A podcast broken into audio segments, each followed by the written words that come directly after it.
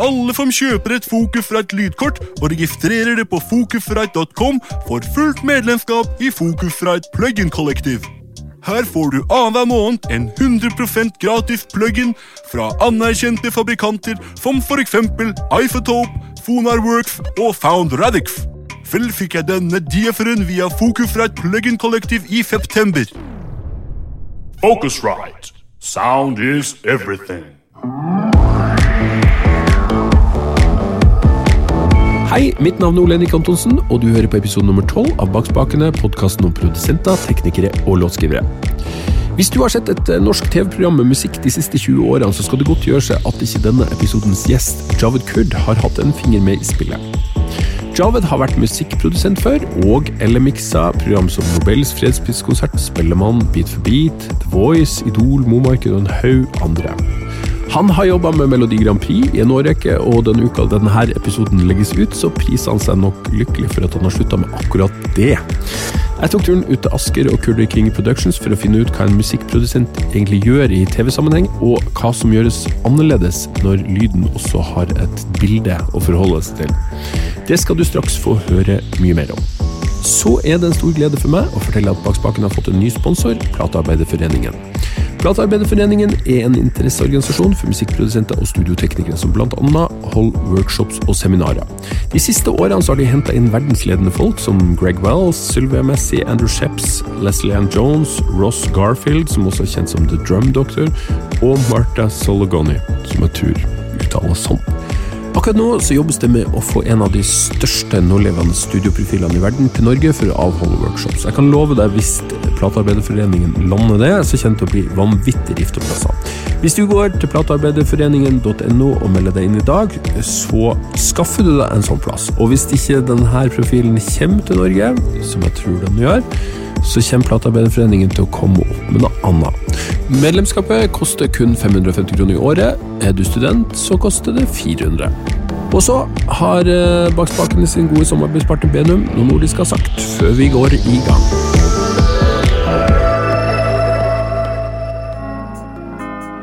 Mikrofoner fra Shore finner du i studioer og på scener i hele verden. Men Shore er mye mer enn SM57 og SM58. Headset og ørepropper, ribbon og kondensatormikrofoner, in-air og trådløst. Se hele utvalget fra Shore og få de beste prisene på benum.no bak spakene. Benum, norsk distributør av lyd- og musikkutstyr.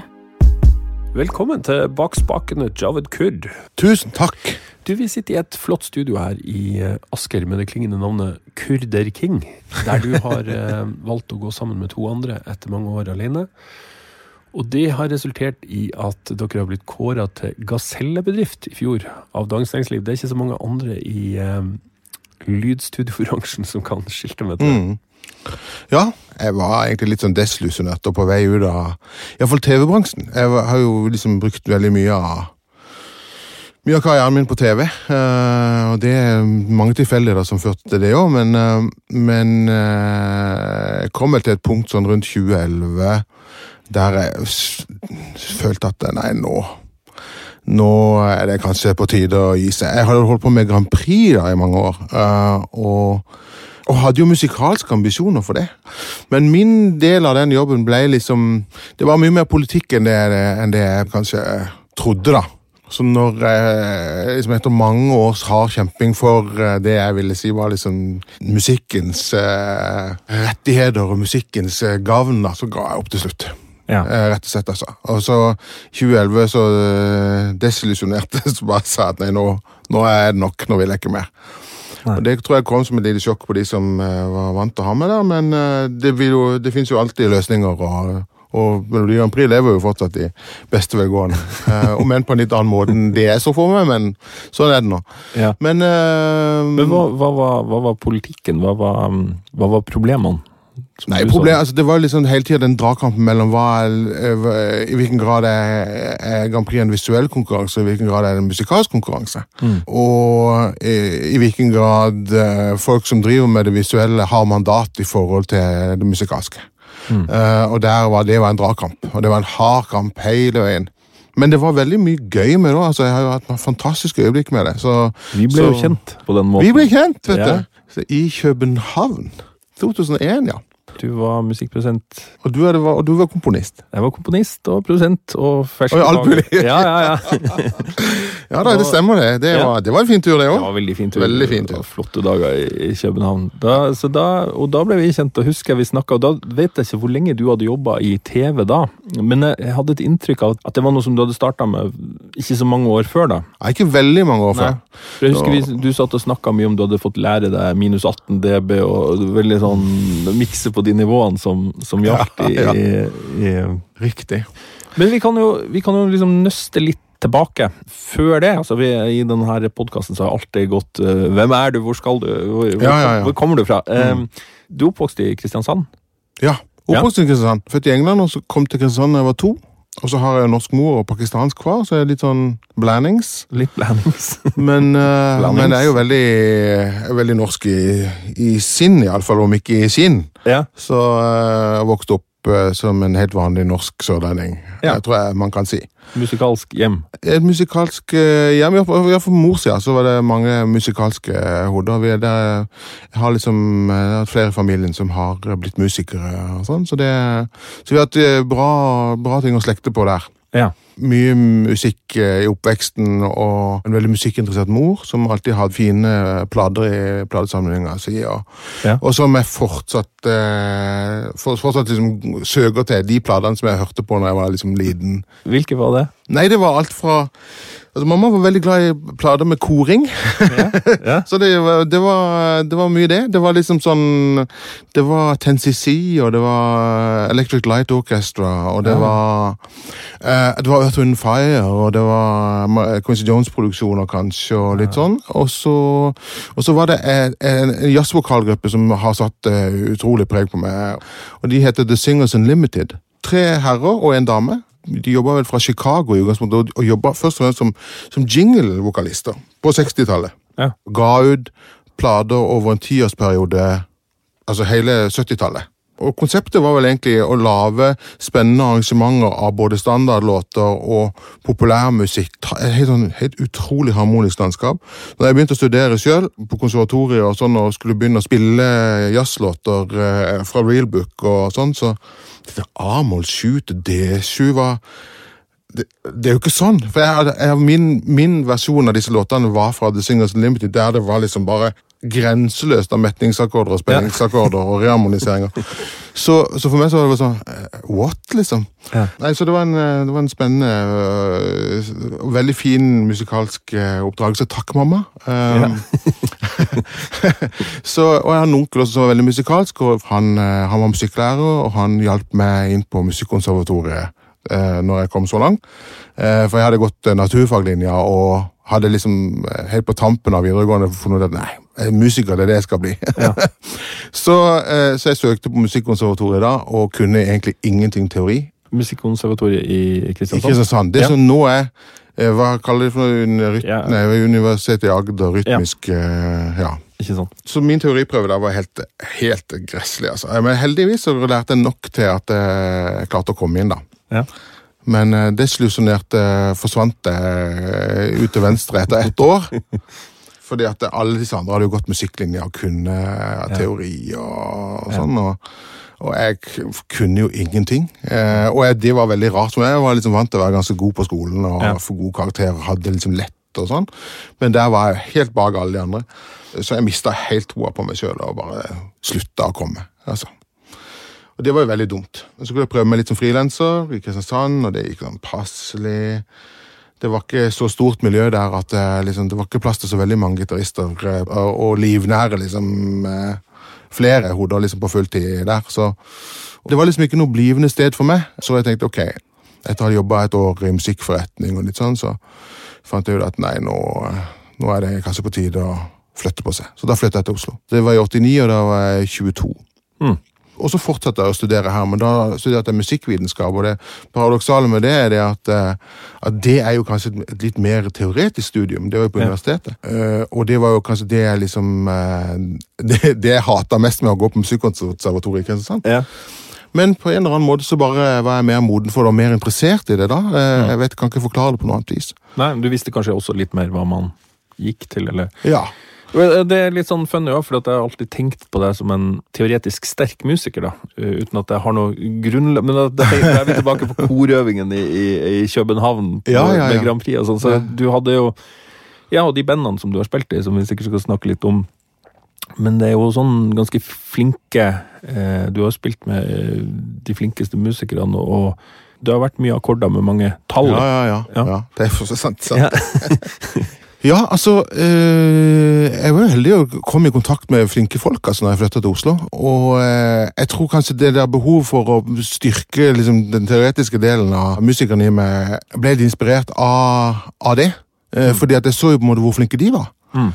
Ganske raskt havna jeg i, i eh, musikerlag sammen med både Sigurd Køhn og, og Ole Marius Melhus og Erik Smith og Jon Willy Rydningen og Joakim Nordin og veldig mange av disse som har gått på høyskolen og var liksom ordentlig flinke folk. Og, Ja. og Sigurd som var en helt for, for oss. Og da var det mye sånn fusion-låter og eh, mye funk og mye synkoper og mange tall bak akkordene. Ja. Eh, og eh, den øvelsesformen som, vi, som man hadde da, var det at liksom, noen skrev det i blekket, og så var det liksom Kom på øvelsen, og så var det å lese blekka Ja. og spille.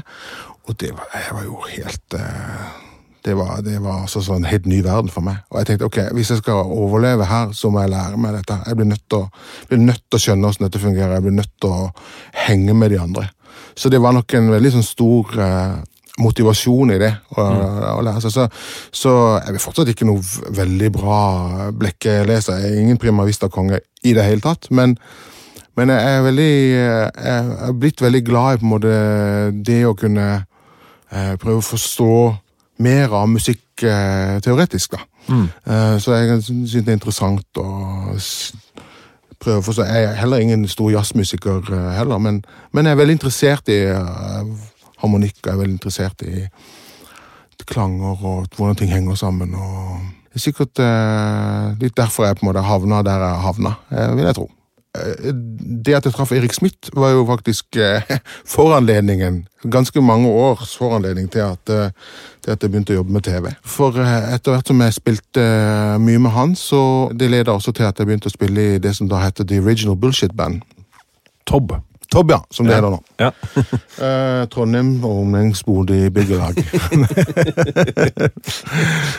vi skifta navn fordi at vi turnerte med en uh, musiker som Bill Champlin for, noe, for en del år siden. Ja, han er ikke- Fra helt ukjent. Chicago. Ja, det er ganske mange som kjenner til han. Ja. Han var jo stor helt for oss, men han sa You gotta do something about that name. han syntes det var et veldig dårlig navn. Så da ble det Tobb. Ja. Eh, men iallfall, vi eh, begynte å spille sammen i 94, og det var det var stor stas. Da hadde jeg allerede fått Da hadde jeg to år tidligere eh, fått anledning til å bli med et, eh, og bygge et studio eh, på Bislett. ja. Som eh, ble hedende for Blue Note Studio. Og det var eh, sammen med eh, en som drev et eh, bruktmarked i en svær lagerhall. Der, eh, altså Rett ved siden av Lille Bislett, eh, sånn som det ligger der nå. Nå er det vel nå er det vel et sånt hybelhus der, tror jeg, i forbindelse med universitetet som ligger i de gamle lokalene til bryggeriet der. Eh, men der var det en bakgård, og det var, det var en svær lagerhall, og så var det en liten sånn kontorenhet på enden. Og eh, der lagde vi studio. Eh, og det var egentlig min lekegrind. Fra Jeg kunne ikke mye om studio før det. altså. Nei. Jeg hadde faktisk produsert ei skive før det, men det var ikke, det, kunne ikke mye, altså. Det må jeg virkelig si. Så der har, jeg- prøvd og feilte og dreit meg ut og gjorde alt gærent. eh, Helt til jeg begynte å få til ting og begynte å skjønne litt sammenhenger og sånn. og Ja. lærte meg etter hvert eh, nok til å kunne både få det studioet opp å stå og lage ting som låt eh, noenlunde dugelig. og Jeg husker faktisk at det var annonser i musikkpraksis for Blue Note. Stemmer det? Ja. Eh, men hvordan var det Da var vi på tape, eller var det Da var vi på tape, ja. Ja. Det var først en, eh, en Tascam 16-spors på én tom DBX eh, Ja. Eh, og den låt egentlig ganske fint, altså. Ja, altså. det gjør det. Ja, det var eh, Jeg syns det var eh, Jeg kan ikke si at jeg liksom jeg, jeg fikk jo aldri anledning til å sammenligne den. og sånn, men Det var, liksom ikke noe i veien med den. altså. Den låt aldeles strålende. og Vi lagde slavetøyp og lagde kor og bounce tilbake igjen og holdt på. Så det var, det var en fin, veldig fin maskin. Og så hadde jeg en sånn Tascam mikser som var veldig sånn så der, kanskje. Men uh, fungerte helt fint. Jeg hadde ikke noe sammenligningsgrunnlag. Så det, for meg så var det miksa masse fadere på EQ og gud vet. Og vi hadde, ja, bass og diskanter. da. Vi hadde veldig gode høyttalere. Vi hadde Meyer HD1, det fikk vi ganske fort. Jeg har litt sånn kjærlighetsforhold til høyttalere. Det er kanskje jeg har et sterkere sånn emosjonelt forhold til høyttalere enn jeg har til annet studiostæsj. Du sier det, ja. Jeg merker meg. jeg, jeg så på Barefoot Microman 27 som står på Ja, ja. gulvet her ute i, i foajeen. Ja, de har blitt degradert. Jeg, skal, jeg vil heller snakke om de som henger, står her i studio nå. vi, vi kommer til det. Ja, Men det er en annen historie. Jeg, i hvert fall så, um, så begynte jeg å produsere litt mine egne låter, og, og eh, samtidig som jeg jobba litt for andre. og Så det skjedde litt i det studioet. Det var ikke noe fantastisk produksjon, men det, skjedde litt.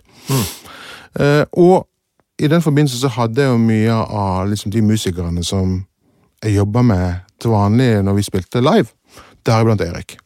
Eh, Så når, eh, når jeg skulle spille inn mine egne låter, så var det Erik som var liksom det naturlige valget av trommeslager. Og så hadde det seg jo sånn at Erik var jo mye rundt, rundt omkring og frilanser, og spilte blant annet veldig mye med Jens Wendelboe. Og Jens Wendelboe eh, var fast kapellmester på TV for eh, flere programmer, deriblant Momarkedet. Dette var vel i 1996, tror jeg. Da hadde Erik spilt på flere av mine ting, og vi hadde lagd en del forskjellig. Og, og jeg kjente for så vidt eh, Jens litt sånn vagt fra Josefine, Josefine, jamkvelder og på, øh, men, men ikke sånn, jeg hadde ikke snakka mye med han. Jeg visste hvem han var, han visste hvem jeg var. Og så fortalte Erik at uh, Jens var på utkikk etter en produsent for ei plate som han hadde lyst til å spille inn, med sine egne låter, men storbandlåter. Så jeg, jeg har ikke gjort så mye storband. Ja, men det er liksom popmusikk storband, på en måte, sa, sa jeg. Altså, det var en slags idé om at man skulle prøve å fornye amatørstorbandrepertoaret. Sånn at eh, amatørstorbandene hadde noe annet å spille enn In The Mood og disse Ja. her eh, gamle tingene. Ja. Eh, så Jens hadde lagd eh, et knippe låter som var litt mer moderne i soundet. da. Så Erik hadde lyst til å foreslå meg som produsent for det. Så ja, jøss, bevares, det hadde vært kjempespennende. Så da traff vi hverandre, traff jeg Jens og Erik hjemme hos Erik, og så hadde jeg med en liten sånn, liten sånn Sony DAT-spiller. Eh, Sånn DAT-Walkman som Ja, ja. eh, man hadde. Og, og så spilte jeg noen av de tingene som jeg hadde lagd. Og så syns uh, Jens Nei, det var kult. Du kan være produsent. Han er, Jens er velsigna fin, altså. Sånn, for han, han gir folk en sjanse. Ja. Uh, og det er en, synes jeg, en veldig flott egenskap. Og han ga meg en sjanse. Så da spilte vi inn den plata, og den ble helt fin, den. Og Jens var kjempefornøyd. Og så eh, var det jo da eh, relativt nært forestående at det skulle være Momarkedet igjen. Og da hadde Jens veldig lyst å ha meg med som musikkprodusent. Og jeg var ikke helt ukjent med NRK eh, og musikk eh, på det tidspunktet, for jeg hadde spilt litt i husband og sånn eh, tidligere. Men jeg var jo selvfølgelig henrykt og, og bli foreslått og sånn. Så da troppa jeg opp i mysen der. eh. Der var det lydbuss fra NRK og Den musikkprodusentrollen i en sånn setting, hvordan Ja. er, eller var den? Det var veldig nytt og spennende for meg, akkurat det. Fordi at eh, bare det å ha en lydprøve, for eksempel, var jo eh, bare sjokkerende i seg sjøl. Ja, la oss høre på basstromma, så var det liksom fire dunk. Og så var det neste, liksom. Og jeg var til, hva, det, hva mener du, er vi ferdige med Bastrova nå? så det var veldig sånn, det var en utrolig, det var en oppvisning i effektivitet. Og det er kanskje det som kjennetegner for det å jobbe i TV, at man må, bare lære seg å være usannsynlig effektiv. For tid er penger hele veien, og det er liksom veldig mange som er i arbeid til enhver tid. Og det er, det koster veldig mye penger å ha folk eh, på overtid. Og det blir også vurdert veldig ut ifra et sånt kriterium, rett og slett. Klarer du å gjøre de tingene du har sagt at du skal gjøre på den tida du har sagt at det skal ta? Hvis ikke du klarer det, så har du egentlig ikke noe i TV-bransjen å gjøre. Det, det er kanskje det aller viktigste særegenskapen med akkurat den jobben. Men ellers så handler det jo om å prøve å bare få det beste musikalske ut av, ut av situasjonen på den tida man har. Når det gjaldt Momarkedet, så handla det jo mest om å, å prøve å få landa en bra musikkproduksjon på den prøvetida man hadde til rådighet. Eh, Og da fungerte det sånn at uh, Ali, lydansvarlig, satt og skrudde mens jeg kommenterte og meldte underveis. Altså så mye mer av det og det i miksen? Ja. eller? Og det kunne være Med Tom Erik så det, Hvordan jeg kunne lært meg å jobbe med teknikere på den måten, har variert veldig fra tekniker til tekniker. Alt det som var, var, var de, hvordan de føler det er best. Men eh, med Tom Erik så var, kunne jeg egentlig bare bombardere han med meldinger hele tida. Mindre 300 på basstromma. Ja. Komprimere, løft threshold på kompressor, bla, bla, bla. Altså, helt ned på små detaljnivå. Han bare skrudde som gal. Det, det husker jeg du preppa meg på når vi var i Spektrum i 2001. På, på, når vi skulle inn i lydbussen. Nå er det veldig viktig at du må si til meg hva du vil ha endra. Så må jeg si det til Jeg lurer på om det var Gaute som Men det var veldig sånn hierarki. Som for en ung eh, fremadstormende var veldig rart. Jeg hadde ikke liksom tenkt å begynne å, å ta i fedrene, men du var veldig sånn Her må vi eh, Det skjønte jeg var veldig viktig i den bussen. og Ja. og etter hvert inne der så skjønte man kanskje også at sånn må det være, ellers så blir det bare Det var også en veldig sånn rar opplevelse for meg på den tida, for det var veldig lavt volum. Jeg vant til Ja. å sitte og gønne på. Absolutt. Ja, Ja. ja, ja. ja. det, er- det er også veldig vanskelig. Og- ikke minst er det vanskelig fordi at du sitter jo ikke i sweet spot engang. Nei. Du, du sitter Bak liksom og bak han der, bak han teknikeren som faktisk sitter i sweet spot. Og så må du prøve å gjøre liksom, de vurderinger du kan. Så jeg har, eh, jeg har blitt fotografert i mange rare posisjoner. liksom sånn, Hengende over huet til teknikeren. Men eh, så, så da gjaldt det rett og slett bare å prøve å få- et best mulig eh, resultat på, på den prøvetida man hadde. Og det, på det tidspunktet var det aldri snakk om å ta prøver. og sånn. Vi hadde ikke Pro Tools. NRK hadde D88-spillere på den tidspunktet. Eller Sony sin variant av de. Og, eh, så det var, Du hadde liksom prøvetida til rådighet, som kanskje var en halvtime, eller noe sånt, på liksom å få den miksen på plass. Og Da handler det veldig mye om kanskje å måtte fortelle inn på scenen justeringer som de måtte gjøre, eller kanskje løpe inn på scenen og gi noen eh, instruksjoner eller direktiver, eller kanskje snakke med vokalisten, eller, eller snakke med noen i bandet om På Momaker, da, som hadde en veldig sånn tydelig kapellmesterfigur, så var det jo, ble det ofte at jeg snakka med Jens og Ja. altså foreslå at man gjorde litt mer sånn, eller litt mer sånn.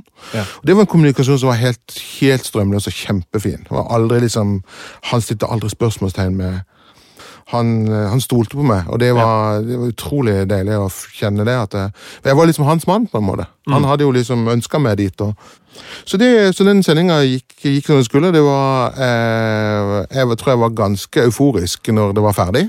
Det var jo en direktesending. Det var liksom ikke snakk om å kunne gjøre ting på nytt igjen. og det, Nei. Du får ganske høy puls av det, altså. Det vil jeg tro, det, Og det var ingen automasjon på miksere av den slags da? Eller hvordan- Nei, det var ikke eller- det. Det, det vil si, vi kunne, vi kunne lage snapshots. Det var, eh, det var sånn gamle eh, sånn, eh, Kaldrek-bord i NRK på den tida. Og de hadde altså en slags form for snapshot-automasjon, men det var på alt annet enn faderne. Ja. Så du sa hele tida skrudde med faderne i Unity Gain. Og så hvis du skulle ha noe sterkere svakere, så skrudde du på kompressor makeup-game. gain. Så det var eh, den måten man automatiserte på. Så vi hadde faktisk en måte å kunne liksom Ja, Vi hadde en sånn snapshot recall Nettopp. mulighet på det tidspunktet. Så det var det, men noe dynamisk automasjon er det jo selvfølgelig ikke snakk om når det er live. Så, um, så det var det. Um, så, uh, så jeg husker Tom Erik sa da var jeg ferdig. Jeg var, jeg var ganske sånn hysterisk og henrykt. Og, ja, jo, tusen takk, det gikk kjempebra. det, jeg håper det gikk bra. Dere syns det gikk bra. og sånn. Så fikk jeg bare litt sånn rolig, tørr kommentar tilbake. Jo, ja, kjempefint, men du kan godt roe deg ned litt neste gang. så etter hvert så, eh, så greide jeg å akklimatisere meg, da. Den som jobba mye som musikkprodusent på den tida for NRK, var Svein Gundersen. Men så hadde Svein Gundersen en comeback-konsert med Aunt Mary, tror jeg det var. Han spilte i. Ja. Og så har jo han hatt en litt sånn Han har hatt eh, litt problematisk helse etter den, den kollisjonen i Alex-bussen en gang tilbake på 80-tallet. Solihøgda.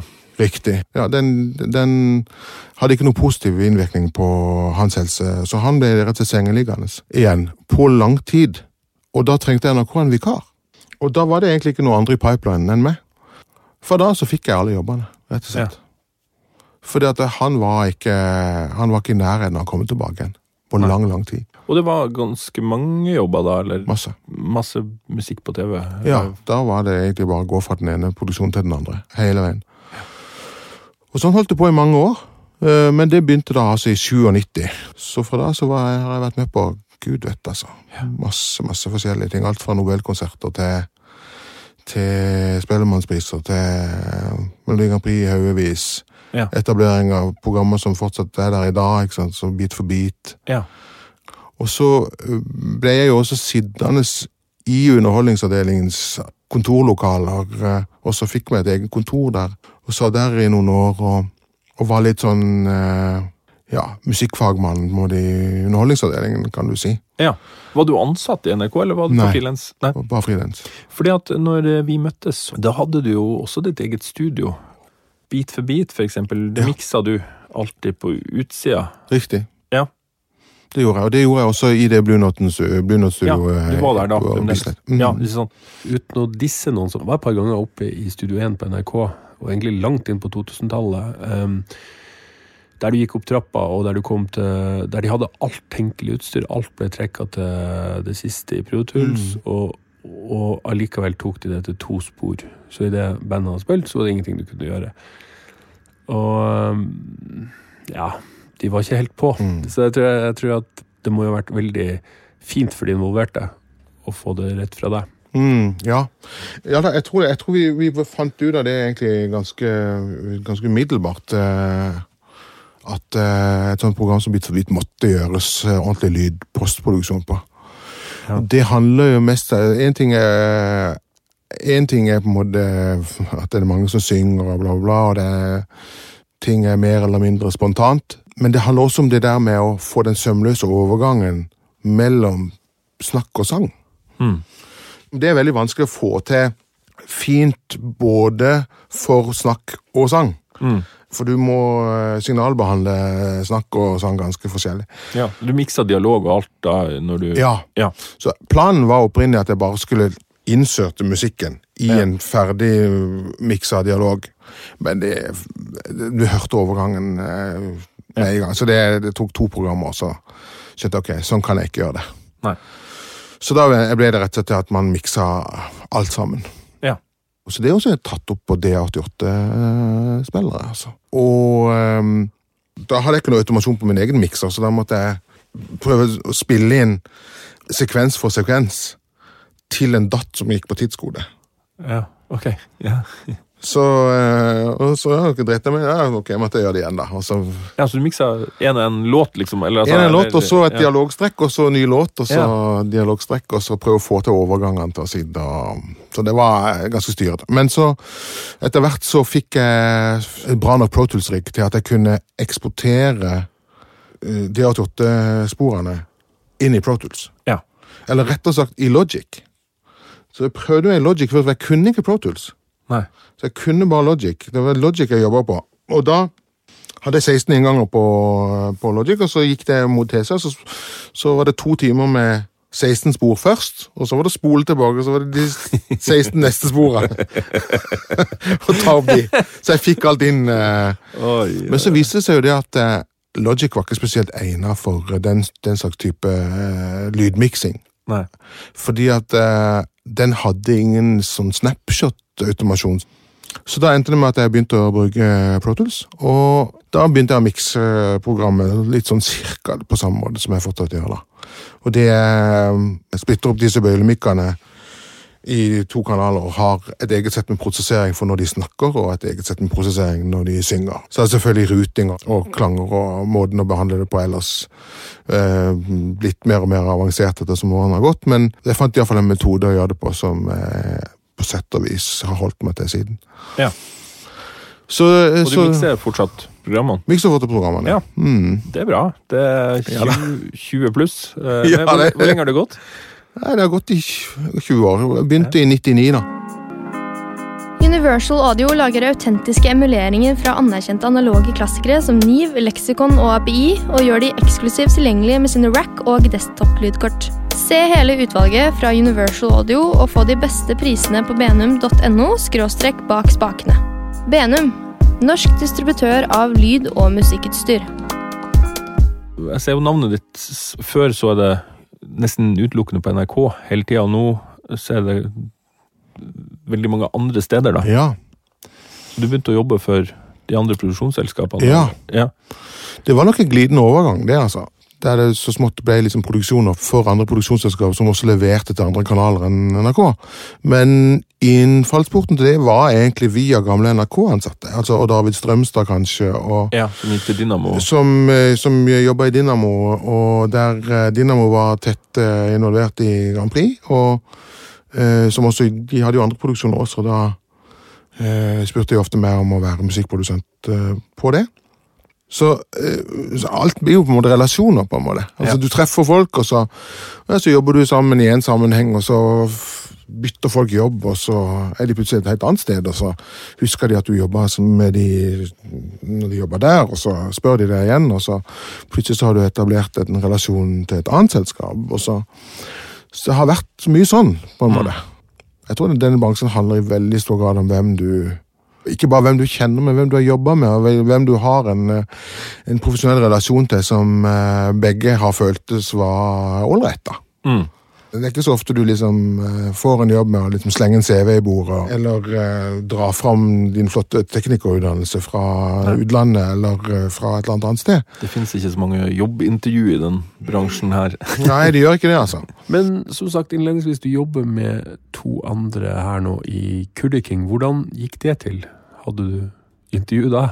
lagde jo Kurder King AS sjøl for mange år siden. Det ble jo et eh, slags navn som, som folk kjente til i bransjen. Ja. Og da jeg begynte å jobbe med The Voice, så uh, traff jeg en hel masse musikere og andre folk som jeg ikke hadde jobbet med tidligere. At jeg, for en gangs skyld så var det ikke jeg som sto for bookingen av musikerne. De, det var allerede gjort når jeg entra The Voice-gutta. De kom egentlig fra en helt annen vinkel, eh, en helt annen eh, innfallsport, om du vil. De som var husbane på første The Voice-sendinga, de var rekruttert fra en sånn sommer-TV-satsing hos TV 2. De hadde det på taket i Karl Johan der. De, De, Ja, ja, ja. De sa det var husbrann der, og var, var booka der. eh, og folk var fornøyd med de, så de hadde blitt bedt om å være husmann på, på The Voice. Det var eh, litt av de samme, igjen, samme, samme mekanismen. Folk, folk jobber på ett program, i en relasjon, flytter til et annet sted, tar med seg relasjonene sine. Men det som var spennende med det, det at de var yngre, betraktet yngre folk enn meg. Jeg hadde kanskje, eh, Fra når jeg starta sjøl i TV-bransjen, var jeg liksom den yngste på settet ofte. Men eh, plutselig så var jeg liksom eldstemann. Iallfall blant uh, musikkgjengen.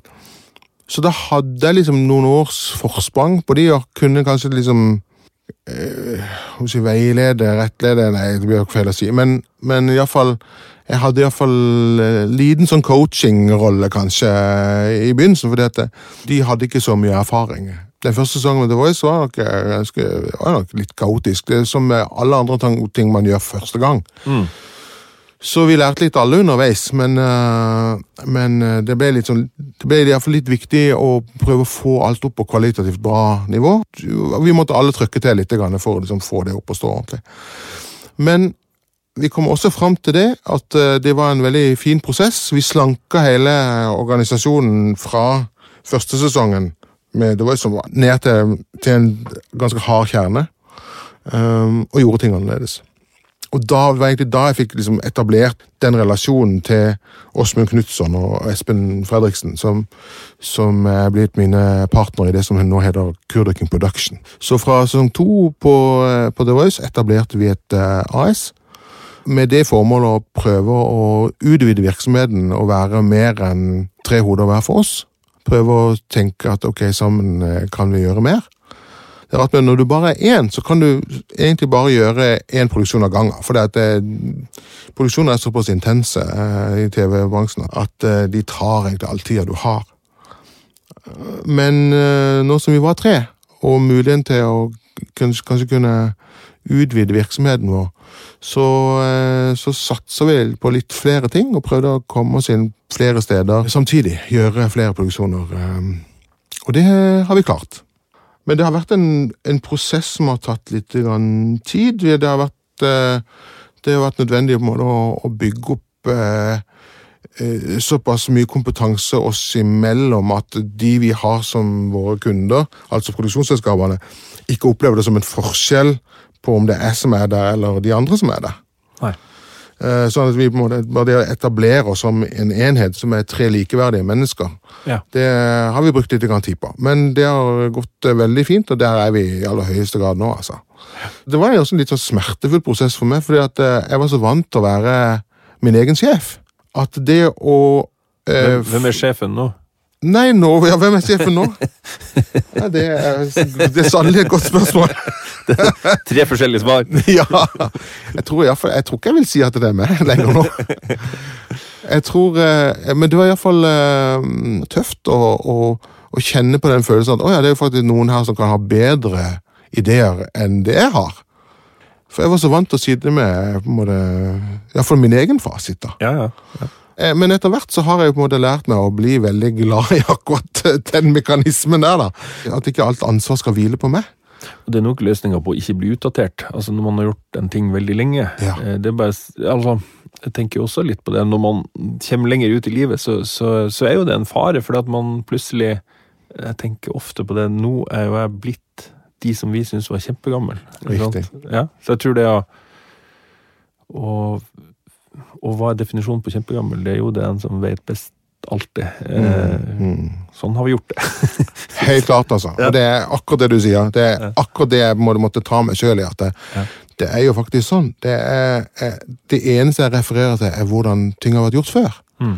Og hvorfor må vi nødvendigvis gjøre det akkurat sånn som vi har gjort det før? Hvorfor kan vi ikke utfordre det? Mm. Og det er det Espen Aasmund har vært utrolig god på. Og rett og slett utfordre den konvensjonelle måten å gjøre TV-produksjon på. Mm. Så med deres eh, bidrag så har vi funnet helt nye måter å gjøre dette på, som er både mer effektive, og som involverer eh, veldig mange flere folk. Men som også har gjort at vi har liksom skapt en gjeng rundt oss som vi forholder oss veldig lojal- lojalt til, og som vi opplever også er veldig lojale overfor oss. Ja. Eh, Man får jo litt sånn inntrykk av når man leser i nyhetene i hvert fall at altså, linær TV er veldig nedadgående, og, eh, men du ser rom for videre vekst. Ja, altså Vi ser jo også tendensen. Alle snakker om det, og alle er jo på en måte klar over at det, den måten man ser på TV-innholdet i dag, den, eh, den er jo på vikende front. Altså lineær-TV som sådan er en gammeldags måte å konsumere eh, innhold, medieinnhold på. Bare den podkasten her er et eksempel på Ja på, på det. Altså, de konvensjonelle måtene å kringkaste på blir utfordra hele tida. Så også TV. Mm. Men det er ikke noe tvil om at man trenger innhold. Det, det, det handler jo bare om hvordan man konsumerer det. Ja. Så behovet for innhold har jo, har jo blitt eh, bare større. Ja. Og det, det eskalerer jo. Så, så det fins jo alltids muligheter. Men, men det betyr jo også at vi må tenke annerledes. Vi må tenke annerledes i forhold til leveranse eh, overfor våre eh, oppdragsgivere, og vi må kanskje tenke annerledes i forhold til budsjett, og hvordan vi syr sammen en pakke som, eh, som Ja, for det, kan- det er på en måte det jeg egentlig fisker litt etter, at sånn som vi har sett i musikkverden, det, mm. det brukes jo ikke mindre musikk enn før, men Nei. samtidig så er det jo øh, veldig annerledes, selv om ting forhåpentligvis er i ferd med å snu litt, så, så har det jo vært noen forferdelige år. Hvordan møter du det? Klarer du å jobbe mer effektivt? Klarer du å gjøre mer per time nå enn du gjorde for ti år siden? Uh, ja, jeg tror nok det. Jeg tror nok Det Det er jo hele tida en jakt etter å finne mer og mer effektive arbeidsformer og sånn. Ja. Eh, som, som jeg var inne på tidligere, så er liksom det å jobbe i TV handler utrolig mye om tid. eh, og disponering av tid og effektivitet og, og leveranse i henhold til tid. og alt sånt, Så det er en veldig sånn, viktig faktor i alt, alt det vi driver med. Men vi kjenner jo presset hele tida på, på det der med å Kan dere levere Må dere ha så lang tid? Må, altså, budsjettene blir ikke større. De blir stadig mindre og mindre og, og mindre. Det er jo det som på har vært fint med TV TV-bransjen så langt, da, for, for, for mitt og vårt vedkommende. Det er jo det at eh, i motsetning til eh, musikkbransjen ellers, så, så har man kanskje iallfall kunnet forholde seg til et budsjett. Ja. Det har vært et budsjett. Du har hatt noen penger å bruke, rett og slett. Ja, og det er, jo man- det er jo en luksus som Man kan eh, le, men man burde gråte, men, men det, er jo, det er jo faktisk sånn. Det er faktisk sånn, altså. Og, og, og Hvis du bare ser litt sånn pragmatisk på det, så er- har det også vært veldig greit å forholde seg til. For det, det har alltid vært deadlines. Mm. Det har alltid vært ok, dette programmet skal på da. Eller det sendinga er klokka ni. Eller ikke sant? Det, er, det er alltid en slags ende på prosjektet. Det er så helt sånn tydelig start og en helt tydelig slutt. Og det er også en sånn uh, ting som ikke sant, at, at, uh, Det kommer sikkert an på hvor du er henne i uh, næringskjeden i, i, i musikkbransjen ellers, da.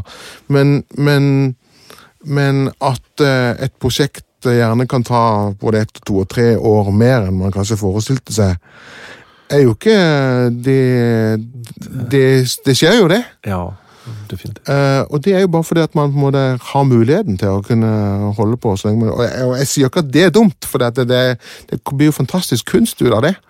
Eh, men bare sett fra et litt sånn jobb, næringssynspunkt, uh, eh, eh, synspunkt, så, så er det veldig greit å vite at eh, ok, denne jobben tar så så lang tid, jeg får så så mange penger for det.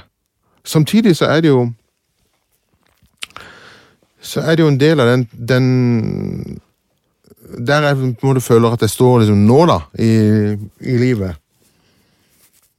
Så iallfall sånn karrieremessig, så, så er det jo det at dette altså Kurringen på Laksen det surrer og går nå. Det går veldig, veldig bra, og jeg føler meg eh, mindre og mindre viktig for eh, liksom kontinuitet og utvikling og, og alt sånn. Og, og alle relasjoner vi har sånn profesjonelt, er, er liksom mindre og mindre avhengig av at jeg liksom har noe med det å gjøre.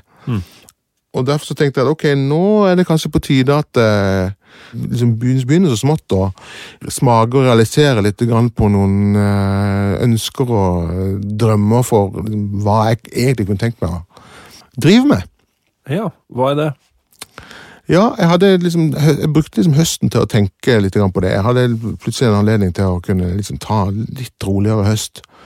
Og, og, um, og jeg har jo drevet med plateproduksjoner innimellom eh, også. Ikke, ikke så veldig mye, men jeg har gjort en del. Jeg merker at jeg savner jo litt den, den, der, den kreative prosessen. Det blir mye pragmatikk ikke sant, i forhold til det vi driver med nå. Så det, det å liksom være i et sånn kreativt uh, modus over lang tid, og kunne være litt sånn uforstyrra og holde på med det, det liker jeg. Samtidig så er jeg også veldig glad i at det er en viss form for turnover. da, At, at det skjer noe hele tida. At man ikke sitter og dveler med allting i, i månedsvis, årevis. Um, og jeg har funnet ut at jeg er glad i det å spille, så det har blitt stadig mindre og mindre av det med årene. Men, men jeg er veldig glad i det å mikse. Og det er jo noe jeg har gjort veldig mye i forbindelse med TV. Men da på TVs premisser. Kvantitet på ting. Det er veldig, veldig mye hele tida. Så det å kunne sette seg ned og liksom jobbe ut én låt, gjerne da noe jeg ikke har produsert sjøl, Hmm. det er kanskje noe av det mest spennende jeg driver med for tida. Og det har jeg fått anledning til å drive med litt mer nå enn det jeg har gjort tidligere, og det merker jeg at jeg setter enorm pris på. Det handler uh, mye om å lage noe som ikke fins fra før, Hmm. i motsetning til TV, som veldig ofte handler om å reprodusere noe. Så det appellerer veldig til meg, eh, men jeg vet jo på en måte også det at det er igjen da en mye mer usikker vei sånn økonomisk. Og, så jeg, jeg ser jo på en måte at det, hvis jeg skal, skal drive med, med det framover, så tror jeg ikke jeg skal liksom kaste hele TV-bransjen på båten. Nei, det For tror jeg er eh, ja. Erfaringsmessig så tror jeg kanskje du ikke vil Eh, Og jeg er jo også veldig glad i å jobbe med TV bevares. Men, men det er også det, det er veldig mange ting jeg på en måte føler at ok, Men, men hvis vi snakker litt om det sånn rent mikseteknisk, hva, hva er den store forskjellen på å utover Jeg vil tro utover kvantitet, da, selvfølgelig at det må Mm. gå fort, men, men hva, hva er annerledes å mikse for kringkasting? Den viktigste for oss er at du må se på det du skal mikse. Du må forholde deg til det visuelle, den visuelle fremstillingen. Du må se bildet når du mikser. Ja. Ja. For det, det går gærent hver eneste gang hvis Ja. ikke du gjør det. Eh, og det handler om vokalnivå, det handler om hvilke klanger du bruker, hvor mye klanger du bruker, Ja. og en del andre ting som handler om kontekst. La oss si du, de står og synger en eller annen EDM-låt på Beat for beat, for eksempel. Ja. som det kan hende de gjør. Jeg kan ikke dra opp eh, harmonizer eh, og delayer og sånn på vokalen der, for det vil oppleves som fremmedgjort i settingen. Ja. Eh, situasjonen der er på en måte at man tilsynelatende skal skli over fra å prate til å nærmest eh, bryte ut i sang. Bryte ut i sang, ja. eh, og da, eh, selv om det på en måte rent sånn, rent sånn estetisk eh, sett vil være riktig å gjøre det, så er det en ting jeg ikke kan gjøre. Eksempel. Det er et godt eksempel på at det der fins begrensninger og tilpasninger man må gjøre. når man... Så det, det er én ting. Og en annen ting er at du, når du jobber med TV eh, og TV-miksing, så må du egentlig mikse og mastre litt samtidig det er liksom ikke to atskilte prosesser. Du, du mikser veldig ofte inn i en multibandkompressor, og du mikser til et nivå som er tilpassa TV. Og det er liksom, Du har ingen runde etterpå med ekstra Nei. Nei.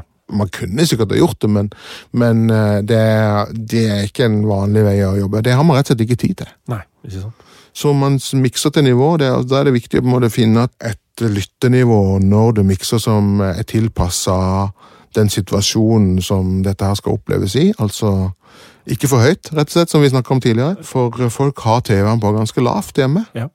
Og de skravler og holder på oppå det, og, så man må kanskje komprimere litt hardere enn man ellers ville gjort. Skjønt, nå er det jo sånn at uh, den, den estetikken som finnes rundt miks i dag, er jo også at eh, Altså, det komprimeres jo ganske hardt på popmusikkmikser også. Så, så når det er sagt, så er det ikke sikkert man egentlig klarer å matche det engang. Altså, på den måten man jobber. For det å sitte og mikse inn i en multibandkompressor og en limiter og sånn, det, jo da, det komprimerer jo det, men du kan ikke sitte og finskvise sånn ut den siste desibelen som, som man gjør i mastringa av av et EDM-spor, liksom. Så eh, det er kanskje de, de, eh, de viktigste forskjellene. Jeg hadde først en sånn D-command eh, for noen år siden, Ja. som du også har hatt, vet jeg. ja, ja. Kjøpte når du hadde kjøpt. Da, Ja, ikke sant? vi var på en Chicago-konsert, og du snakka en time om de kommandene. Nei, så er jeg det- kjøpt, kjøpte den uh, uka etterpå, tror jeg. Jeg kutter det, er det sant? Ja. Det har jeg glemt. Vi var på Lorry først på uh, Ja. Har mye Skulle tatt provisjon. Ja, ja, ikke sant. Bare visst. Nei, eh, så eh, jeg kjøpte meg en sånn en ganske eh, Så fort egentlig de kom på markedet, Ja. nesten. Fordi at eh, jeg så at åh, dette her, dette er noe jeg må ha. Jeg må ha dette til, til eh, for, for å være effektiv. Eh, Jobbe effektivt med miksing. Så, eh, men for et par år siden så bytta jeg den ut til en fordel for en eh, jeg vet, S6. Ja. Som, eh, så det er det jeg jobber på nå. Ja, Er du happy med det byttet? Ja, både, ja og nei. Altså, Ja. Jeg syns jo det er eh, Det er mange spennende nye funksjoner som er der, men, eh, men det er også en del ting som er blitt borte. Og det er kanskje det, det eh, provoserer meg en smule, vil jeg si. Jeg skjønner det at jo, det er Vi har bytta kommunikasjonsprotokoll og alt det der der. Nå er det Yukon som gjelder, og det er en protokoll som det jeg vil ikke ha lagd sjøl, og bla, bla, bla, og det må tilpasses og sånn. Men fra et kundesynspunkt, når du investerer såpass mye penger i et produkt, Det er ganske dyrt. og du bytter jo det produktet etter masse overtalelse eh, til, til noe nytt eh, som skal være liksom eh, bare enda bedre, og alt skal være enda bedre, så forventer du iallfall ikke at, at funksjonaliteten skal gå liksom to skritt fram, men det går også liksom ett og et halvt skritt tilbake igjen. Ja.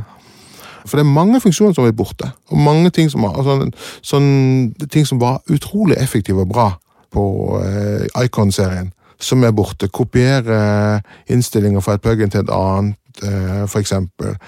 Mapping av plugins til knapper. Du kan gjøre det til en viss grad, på S6, men da må du gjøre det til fadere. Det var utrolig effektivt. Ja, Eh, veldig.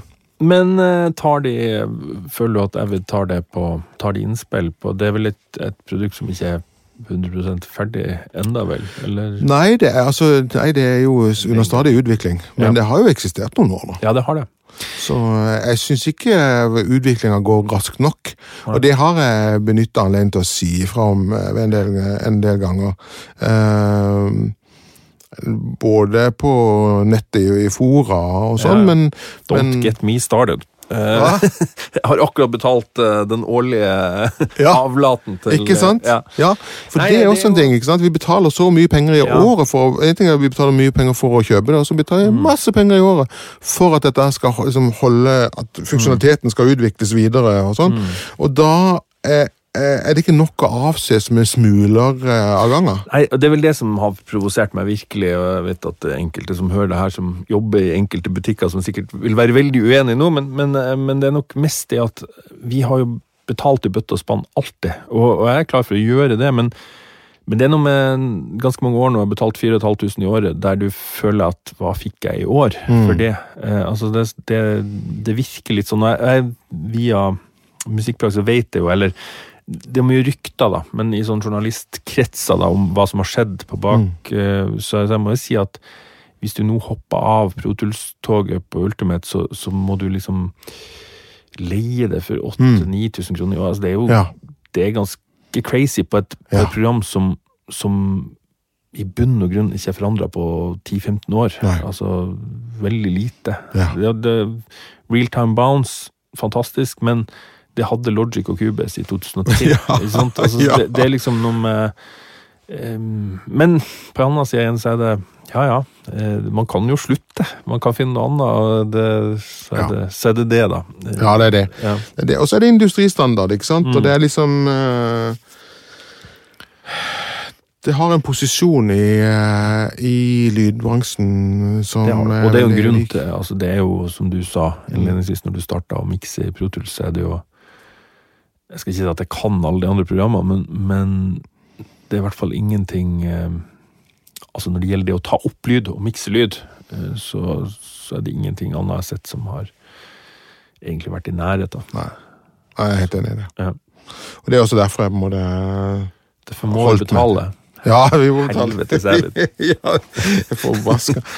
Men um, Nei, det er det, ikke sant. Det, er- det er det å uh, Så jeg bare en- Den gang da, da jeg skjønte det at ok, det er Pro Tools som eh, som Det er bare Pro Tools som kan faktisk gjøre denne jobben sånn som jeg vil at den skal gjøres. Ja. Så ble det det sure eplet aksepterte det og bare begynte å lære meg Pro Tools. Så nå, så nå kan jeg det jo relativt godt. Jeg kan jo langt ifra alt, men jeg kan de tingene som jeg trenger Ja. godt. Og det um, Så eh, man bør liksom komme til det punktet der man slipper å tenke så mye når man sitter og holder på. Da, at det blir sånn second nature å Ja. betjene programmet. Da, da jobber programmet med deg, ikke mot deg. Ja? Så eh, altså jeg trives for så vidt eh, helt fint med Protus sånn som det er. Det gjør de tingene det skal, men, men, eh, men siden jeg nå mm, har investert såpass tungt i, i eh, hardware eh, som jeg har gjort, så, så eh, forventa forventer jeg egentlig at, eh, at vi iallfall burde starta der vi stoppa sist. Ja. Og så burde ting vært liksom lagt opp på det igjen. Mm. Uh, det er det faktisk ikke. Det er selvfølgelig mange nye funksjoner som har kommet, som er kjempebra. og sånn og sånn og sånn. Mm. Men bare men, men de tingene som på en måte var kanskje noe av det mest funksjonelle med hele Icon-greia, det er at du kunne for eksempel bare sette inn et plug-in fra Du kunne sette inn en send, du kunne sette inn en plug-in fra de kommanden, eller ja, eller Ja. kontrollen. Fra, altså, det, det kan du ikke gjøre på S6-en. Nei. Eh, Er det noen planer om det, eller? ja, jeg har bedt om det, da. Men ja, de sier ja, vet ikke. Ja, it's not in the Not in the future. Yeah, not planning it for the next release, but maybe later. Bla, bla, bla. Så uh, sånne ting, og det er uh, Det som er snakker om, plug-in mapping altså En hel masse sånne workflow-ting som, eh, som bare var lettere før. Ja. Men som sagt, det, det er mange bra ting her òg. Og, det, og, Ja. og det mye, jeg har fått mye igjen å lære av, av å bruke S6, så jeg kan sikkert bruke den enda mer effektivt enn det jeg gjør nå. Mm. Men per nå så fyller den det behovet jeg har, og jeg føler at jeg kan jobbe bra på det. Og så er det jo også på en måte kommunikasjonsprotokollen mellom, mellom eh, programmet og, og S6-en som har vært eh, litt variabelt sånn stabilitetsmessig, syns jeg. Ja. Men eh, men det har vært eh, veldig Det har vært ganske bra nå i de siste, altså, siste oppdateringene. og sånn, og synes jeg da, Jeg skal ikke klage for mye nå, altså. Nei. På det, akkurat det. Det er bra. Um, er det noen andre verktøy utover Protuls og, og um, Du sa innledningsvis at du var veldig glad i høyttalere. Eller Ja, ja, ja. personlig forhold til Ja, de, er- jeg har veldig lyst til å snakke litt om de, altså. Det har jo skjedd noe med utviklingen av høyttalere i det siste, og, det, og folk er veldig sånn delte på om de syns det er bra eller ei, men det handler jo om DSB-styringa av eh, akustisk tilpasning i rommet. Og du har jo hatt Sonarworks, og du har hatt uh, IK Multimedias, hva heter- den for noe, Ja. den eh, andre her? Ja, samme det. Du har hatt sånne løsninger, du har hatt KRK sin Ergo-boks, eksempel, og du har hatt Trinov-system, som er Ja. dyrere løsninger og sånn, som som har noen tilpasninger til det akustiske. Men så har det da kommet to nederlandske eh, merker på høyttalere i det siste som har tatt prinsipper som kanskje har vært mer utbredt i PA-sammenhengen, og putta i studiohøyttalere. Det å, å bruke eh, fasekansellering av signaler for å gjøre høyttalerne mer retningsstyrte i rommet. Ja. Og de første på markedet var vel egentlig Key Audio, tror jeg. Key 3, tror jeg det er det. Og de er jo sånn at de har høyttalere som, som sender ut eh, motvarsinformasjon rundt høyttaleren, sånn at eh, du får kansellert bort eh, refleksjoner, sånn som skjer til sidevegger og bakvegg og sånne ting. Og jeg har vært veldig fornøyd med mine B-født eh, MM27, som jeg kjøpt for eh, mange år siden, men de krever også at de, må tilpasses rom akustisk. Og jeg har aldri hatt anledning eller tatt meg råd til å liksom bygge et, et kontrollrom som, som er så akustisk nøyaktig at jeg ikke trenger eh, sånn tilpasning. Så det har jeg vært avhengig av, og det har vært, eh, fungert ganske bra. Men jeg liksom tenkt at det er spennende å sjekke ut hva dette her er for noe. Så jeg dro først og hørte på Key Audio-høyttalerne, og syntes det var veldig en utrolig spennende ting. Jeg hørte de mot noen ATC-høyttalere som var betraktelig større, og mye, mye større, fyldigere lyd og sånn og sånn. og sånn. Men helt tydelig at, det, at uh, ATC-en ble farva av de akustiske omgivelsene Ja, ja. i langt større grad enn de Key Audio-høyttalerne gjorde. Så det var et mye mer direkte, fastere lydbilde på noe vis, og spesielt uh, fra mellomtonen og ned, så var det strammere og mer tydelig og var mye mer definert enn jeg følte det var på ATC-ene. For det var egentlig ATC-ene jeg kanskje lurte på om jeg skulle kjøpe. For jeg har alltid vært litt sånn småforelska i eh, ATC siden, siden jeg var og mastra hos Bjørn Engelmann. Og, ja, han har alltid hatt og han har alltid hatt det, og jeg tenkte åh shit, sånne høyttalere må jeg ha en gang. Men så fikk jeg litt, sånn, ble jeg litt i tvil når jeg hørte de to høyttalerne mot hverandre. da. tenkte hmm, ja da, det låter veldig fint av de, eh, men så tenkte jeg på ok, hvordan, hva slags rom skal jeg ha de, eh, disse ATC-ene, og, og hva må jeg gjøre for å få de til å spille bra? Og eh, er det da verdt å bytte de ut til fordel for disse her B-føttene som jeg hadde fra før, og lurte litt. Og så leste jeg litt mer på internett, og så fant jeg ut at det var jo en annen fabrikant som også lagde en type høyttaler som hadde i hvert fall slektskap til det prinsippet som Key Audio sjøl brukte, og det var- et firma som heter Dutch and Dutch. Et annet nederlandsk selskap. Og det, tenkte "Mm, det er spennende. Dette her er interessant. Jeg bør kanskje få hørt de òg før jeg tar en beslutning på hva jeg skal gjøre. Og da eh, så jeg det at det er ingen forhandlere det i Norge, eller noe sånt, så jeg tenkte ok, men dette er høyttaler til 100 000 kroner. Kanskje jeg burde ta meg en tur til Nederland og bare sjekke de ut. Det koster ikke så mye å ta en liten tur Nei, nei. til så jeg vurderte det, men plutselig så, så jeg tilfeldigvis at det var en hifi-forhandler i Arendal som hadde fått agentur på Dutch and Dutch. Så jeg tok kontakt med han. Så spurte jeg om, um, om det fantes et par på Østlandet som de kan høre på. Nei, Han kunne komme opp en tur. Så han kom da fra Arendal ens ærend for å demonstrere høyttalerne. Og Vi satte de opp, og jeg ble ikke umiddelbart bergtatt. Var, jeg merka at det var liksom et par sånne romting som, som den ikke tok helt. Men det viste seg å bare være et par små justeringer som skulle til. De har innebygd parametrisk EQ, og de har eh, noen innstillinger for Justerer du det med mm, via altså, Du Du kobler til via nettverk der? Ja, riktig. Så, du, så det er rett og slett i webleser, så Ja. det må du justere på det. Og så eh, forteller du hvor langt de står fra sideveggen, og hvor langt de står fra bakveggen. Og så gjorde vi en akustisk måling, og så fant vi ut at rommet her hadde et par frekvenser som det var fint å temme. Bare rent sånn, eh, rent sånn akustisk, eh, geometrisk. Når jeg hadde gjort det, så var det bare helt vanvittig bra. Da kunne jeg rett og slett bare ikke de høyttalerne. For de hadde en litt annen karakter. Altså De hadde de samme kvalitetene som Key Audio hadde, men der Key Audio føltes litt sånn Jeg klarer ikke å finne noe annet ord på det. Sånn, de var litt sånn tørre i klangen på noe vis. Litt sånn litt kalde, litt eh, De var utrolig analytiske, men ikke så hyggelige å høre på, kanskje. Det var min, min følelse. Så hadde disse her akkurat de samme kvalitetene, sånn som jeg opplevde. Riktignok i et annet lyttemiljø, og sånn, men de hadde en sånn slags form for musikalitet som jeg følte kanskje savna litt i Key audiohøyttalerne. Det var et fyldigere sound. Det var som å på en måte hente de beste kvalitetene ut av ATC-soundet, men para med den der eh, DSP-teknologien som gjorde at eh, ok, det er dette rommet her, ja greit, men det kan vi fikse, aktig. Det har fungert aldeles strålende for meg. altså. Helt Ja. utrolig bra. Og jeg bare jeg, Ja, det er høyttaleren i mitt liv.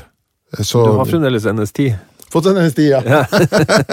jeg switcher innom de av og til, bare, Ja, sånn, det det. for, for sikkerhets skyld. Ha mine også. Ja, det, det er jo sånn, det kan være fint bare sånn vi snakker om iPader og vi snakker om andre sånne ting som Ja. har litt begrensa med bassinformasjon, så er det veldig greit å sjekke innom bare for å høre ok, den 808 basstromma eller den 303-bassen, eller altså de der tingene som har litt sånn Som er litt sånn Som har litt lite overtoner, da. Mm. Hvordan spiller det på høyttalere som ikke gjengir de dypeste frekvensene? Og så må man kanskje gjøre noen triks for å få det til å spille på, på sånne høyttalere også. Er det noen triks som er generelt med miksen når du mikser for TV? Når du, altså, jeg tenker i hvert fall min TV er ganske dårlig lyd i, for å si det sånn. Har du noen secret tricks? som, Nei, altså, nei jeg... Nei, jeg, det er i grunnen ikke det. Jeg, jeg er nok litt forsiktig med sub. Jeg tror nok ikke jeg tar ut liksom svingene på fra 40 hertz og ned. nei. Det har ingen hensikt, for at eh, de, de aller fleste klarer ikke å høre det på TV-en sin. eller Hvis det er mulig ha det på en lydplanke eller et stereoanlegg, eller noe sånt, men Ja, men det er allikevel så det, det er så få. Det er en marginal gjeng av befolkningen som klarer å høre det. Mikser du noe i 5.1, eller hvordan er det?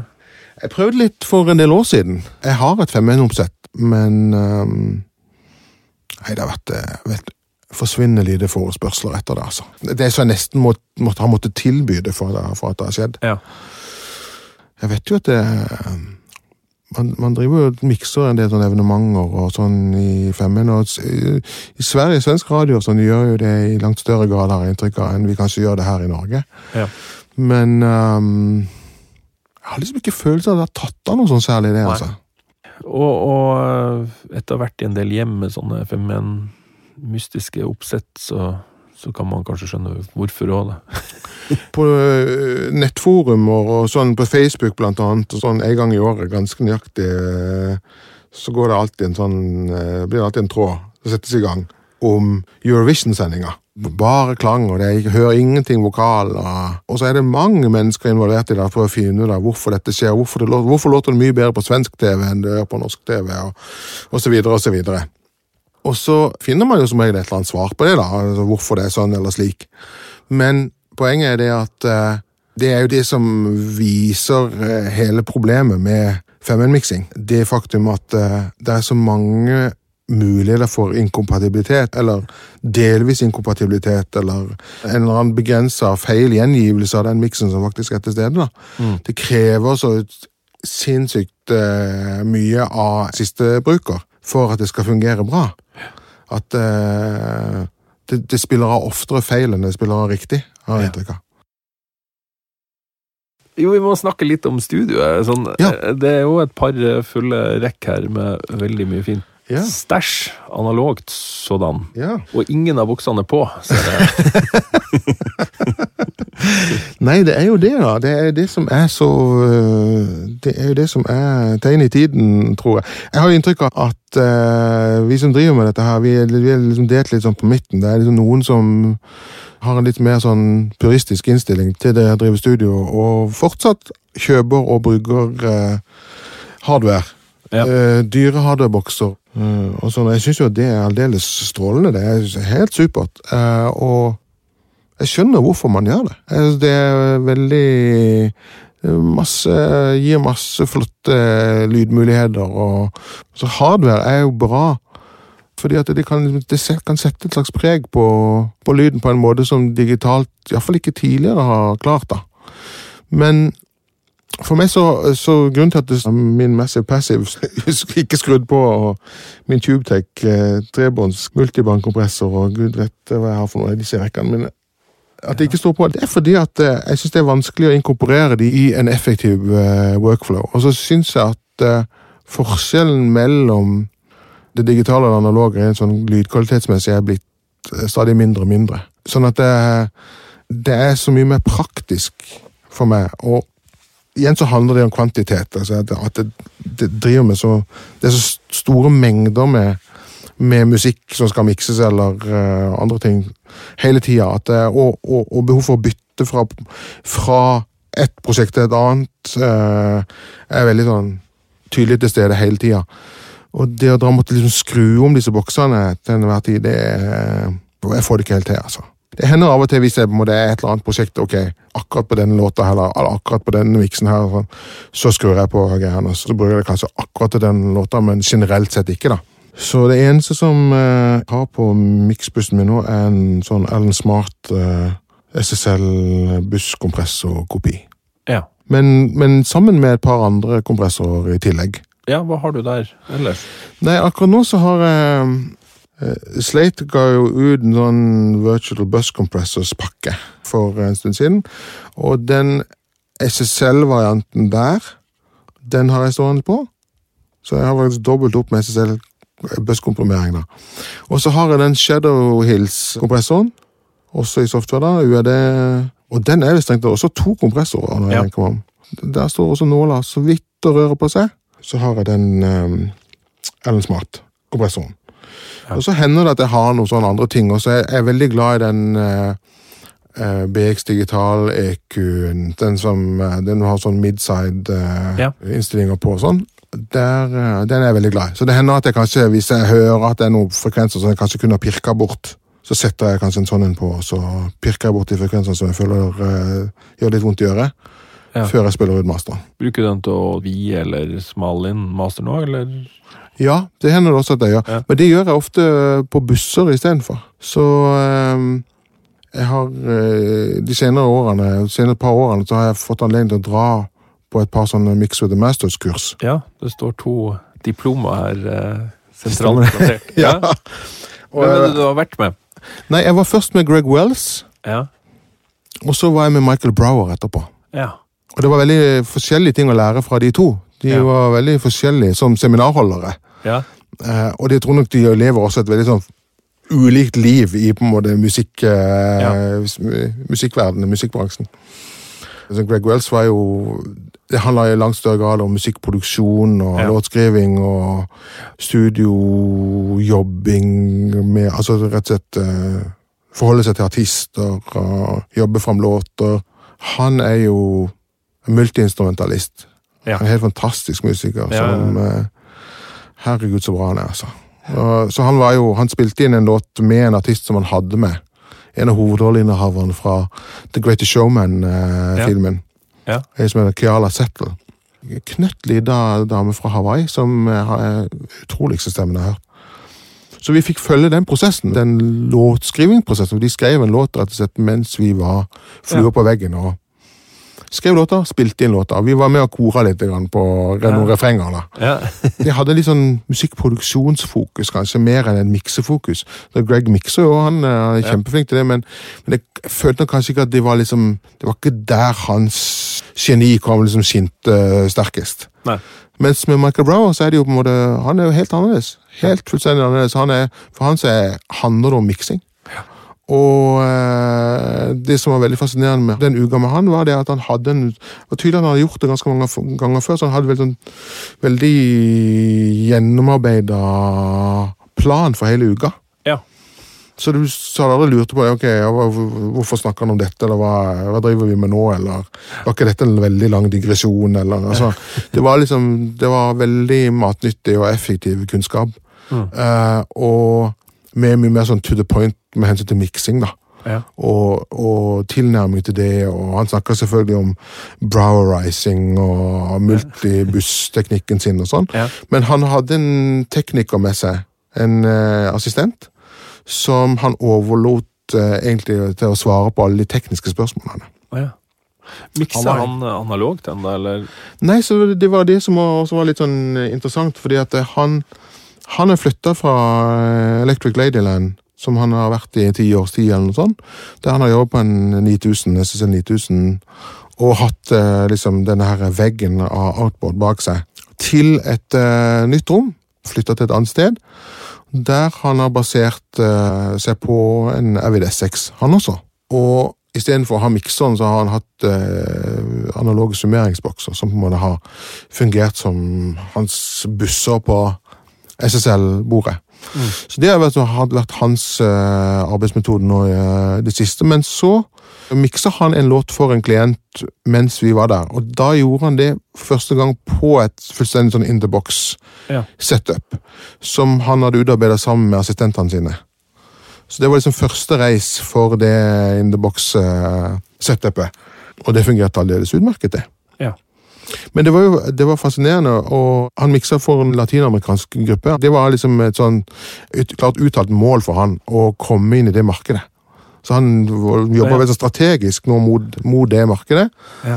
Og hadde manageren sin, og alle liksom prøvde å sette han liksom i kontakt med artister der. Så dette her var en sånn artist. Så han eh, gjorde den miksen mens vi hørte på, og fikk tilbakemeldinger. Og måtte jo da gjøre masse justeringer. og Ja. sånn. Så selv om han er liksom mikser i verdensklasse, så, så var det tydelig at det, ok, hans verden er ikke så veldig forskjellig fra vår til syvende og sist. Nei. Hvor, hvor lang tid brukte han på å mikse den låta? Eh, Han brukte eh, Nei, Han brukte vel en tre timers tid, kanskje? Ja. Noe sånn. Men han fikk jo Fernando, altså han, eh, assistenten hans, til å sette det klart. Ja, det var preppa. Så det var preppa, og så det var jo bare for han å trykke play. Og det har jeg jo på en måte sett eh, det, Jeg gjør det litt sjøl òg. Altså. Jeg har eh, noen av disse som jobber har, Av de yngste gutta, de har fått i oppdrag å, å preppe ting for meg. Det er utrolig deilig, altså. Å kunne sette seg og, og trykke play og måtte starte med et sånn friskt eh, øre. Mm. Fra liksom å ha nihørt på ting og drev og Jeg har gjort en hel masse sånn ikke-kreativt arbeid Ja. med å liksom gjøre ting i stand. Det har vært utrolig vært utrolig bra. Så Fernando gjorde det også for, for uh, Brauer, da. Eh, så han brukte ja, tre timers tid, tenker jeg. Og det var, han pleide å mikse to låter om dagen. Ja. Det var liksom vanlig. Mm. Han, han delte på en måte eh, bunka med låter i litt sånn to. Han hadde de tingene som han jobba med for de store plateselskapene, de hadde en egen rate. Og så hadde han det som er kalt for The PayPal Projects, eller noe sånt. Der, eh, der det var liksom independent uh, ting. Folk kunne sende inn uh, låtene sine og betale den på forhånd. Og da fikk de låta miksa når han rakk det. Det var liksom betingelsen. Og de fikk én recall-mulighet. Og etterpå det så kosta det penger per recall. ja. Hva kosta en sånn miks? Vet du det? Nei, altså den independent-miksen, den der sånn PayPal-miks, Ja. det var 1500 dollar. Sier du det? Ja, Og det syns ikke jeg var så mye. Nei. Nei, sant? 1500 dollar, og så da fikk du én recall, og så var det 50 dollar per recall etterpå. Da var det Fernando som gjorde de recallsa, og da pleide de, da drev de oss Når eh, Michael hadde spilt, eh, lagd miksen ferdig, så var det Fernandos jobb å spille ut stems. Jeg tror fortsatt det gjaldt, for jeg tror nok det hybridsetupet som han hadde med den RVD6-en og sånn, liksom, og outboardet er liksom den gjeldende måten å jobbe på for han. Ja. Så jeg, tror ikke, jeg tror ikke den in the box-løsningen er liksom det han liksom Ok, nå kaster jeg bare alt eh, Nå setter, setter jeg alt utstyret mitt på eBay, og så Nei. eh, Han er nok ikke der. Det var liksom, det var ganske tydelig at uh, Michael Brown var fra en litt sånn eldre skole. Altså Han Ja. hadde en sånn arbeidsmetode som jeg tenkte ok, hvis du hadde begynt å mikse Pro Tools, så hadde du ikke gjort det på den måten. Nei. Så det var veldig sånn, hans workflow var veldig sånn tilpassa SSL-metoden. Men veldig lærerikt altså, å være på de eh, Jeg tror kanskje det er de, de to mest lærerike ukene jeg har hatt noensinne. Jeg har ikke gått noen skole og lært meg noen studioting i det hele tatt. Jeg har, gått, Nei. Jeg har tatt musikkutdannelse, og alt dette her med studio har liksom blitt Jeg har kommet, kommet til være på pur entusiasme og, og interesse for, eh, for faget. Men jeg har liksom aldri lært noe av noen. Jeg har liksom alltid funnet ut av ting sjøl, eller drept meg ut eh, på egen hånd, eller eh, Men det å liksom lære noen som holder på med dette lenger enn meg, og, og, og i et helt annet miljø, og ikke minst eh, på et helt annet sånn profesjonelt nivå, Ja, de er jo de beste veldig- i verden. Ja, ja, ja. Som, utrolig fascinerende å høre på. altså. mm. Og så En annen ting som har vært veldig kult med de, eh, med de turene, er alle de andre folka du har truffet. Ja. For du treffer jo folk fra over hele verden.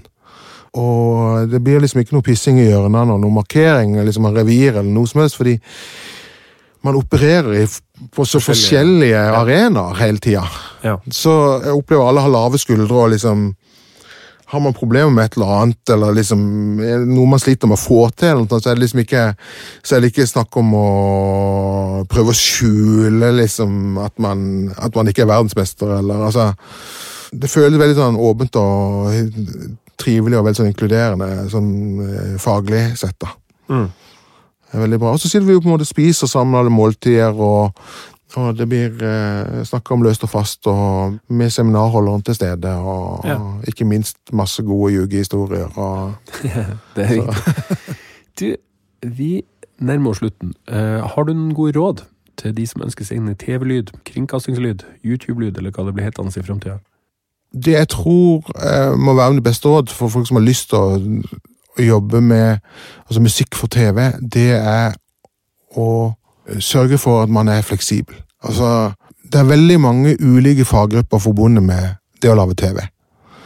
Og alle har på en måte en slags rett til å bli hørt, eller rett til å på en måte ha en eller slags innflytelse på det ferdige produktet. Det kan til og med være kostymer, altså. det kan være scenografer, det kan være lys, det kan være mange aspekter ved en TV-produksjon som, som du tenker at ja, de har ingenting med musikk å gjøre. Eller de, de skal bare støtte opp under det du finner på, eller det, det du driver med. Men sånn er det ikke. De er på en måte en vel så viktig del av, av TV som det du er. Jeg tror man må, man, man må ha den innstillingen for å jobbe med TV. At man, man må være samarbeidsvillig med andre faggrupper. Og bare skjønne at man er en del av et stort puslespill. For primadonna. Ja, det nytter ikke. Du kan det, eh, Alle har jo lyst til å beskytte om sitt fagfelt og, og, og føler at det er liksom det viktigste. og sånn og sånn. Og sånn. Og Av og til så må man jo gjøre det òg, men til syvende og sist så handler det om samarbeid med folk som driver med noe helt annet enn musikk. Og Det er kanskje det som skiller det å jobbe med musikk for TV fra det å jobbe med musikk generelt. Så Jobber du bare med å lage, lage album eller låter for, eh, for artister, så er liksom påvirkningen fra andre faggrupper i langt større grad eh, borte. Mm.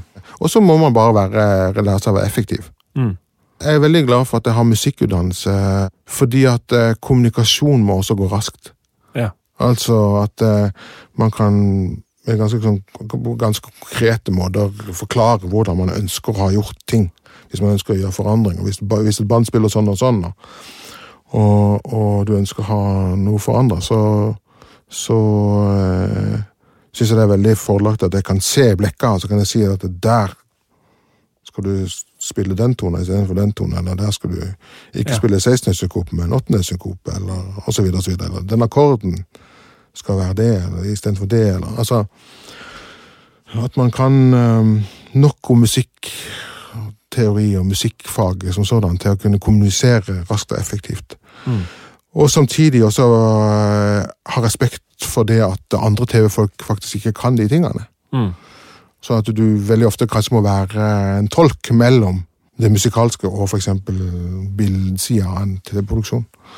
For at de skal forstå hverandre. Det er en veldig stor del av jobben min. Få flere faggrupper til å forstå hva det musikalske egentlig innebærer, eller hva slags begrensninger eller muligheter det har. eller... Mm. Akkurat der er det ikke så lurt at eh, vokalisten tar en salto, for akkurat der skal vedkommende faktisk synge sånn og sånn og sånn. Ja. For eksempel. Eller den gitaristen kan ikke stå der fordi at eh, da får ikke han spilt den gitarsoloen sin. Masse sånne greier. Bra. Er der noe mer å legge til? Vet ikke, det var nesten Nei, jeg tror ikke det, altså. Hva skulle det ha vært, da? Veldig hyggelig å bli spurt om dette. Jeg er Kjempestas. Veldig hyggelig å få komme. Tusen takk for praten, Javed. Bare hyggelig. Det var Javed Kurd. Bakspakene har en egen Facebook-side og en Instagram-konto. Hvis du går inn og følger oss der, så kan du se bilder fra Kurder King, som har et ganske hårete oppsett. Sitter du med mobilen og lytter på Apple Podcast nå, da er det i så fall kjempefint om du legger inn en rating. Da vises bakspakene bedre i iTunes. Legg gjerne også igjen en kommentar om hva du syns. Det gjenstår bare for meg å takke Bakspakene sine gode samarbeidspartnere Benum og Platearbeiderforeningen, som gjør dette mulig. Driver du ditt eget studio som et foretak, så kan det hende du kvalifiserer som proffkunde og kan få kjøpe direkte fra Benum til nettopriser. Det er det mye å spare på. Du finner ut ved å gå inn på benum.no bakspakene og søke om å få bli kunde. På platearbeiderforeningen.no så kan du melde inn i Platearbeiderforeningen og ta del i en rekke medlemsfordeler. Sjekk det ut med en gang. Mitt navn er Ole Henrik Antonsen, og vi høres snart igjen.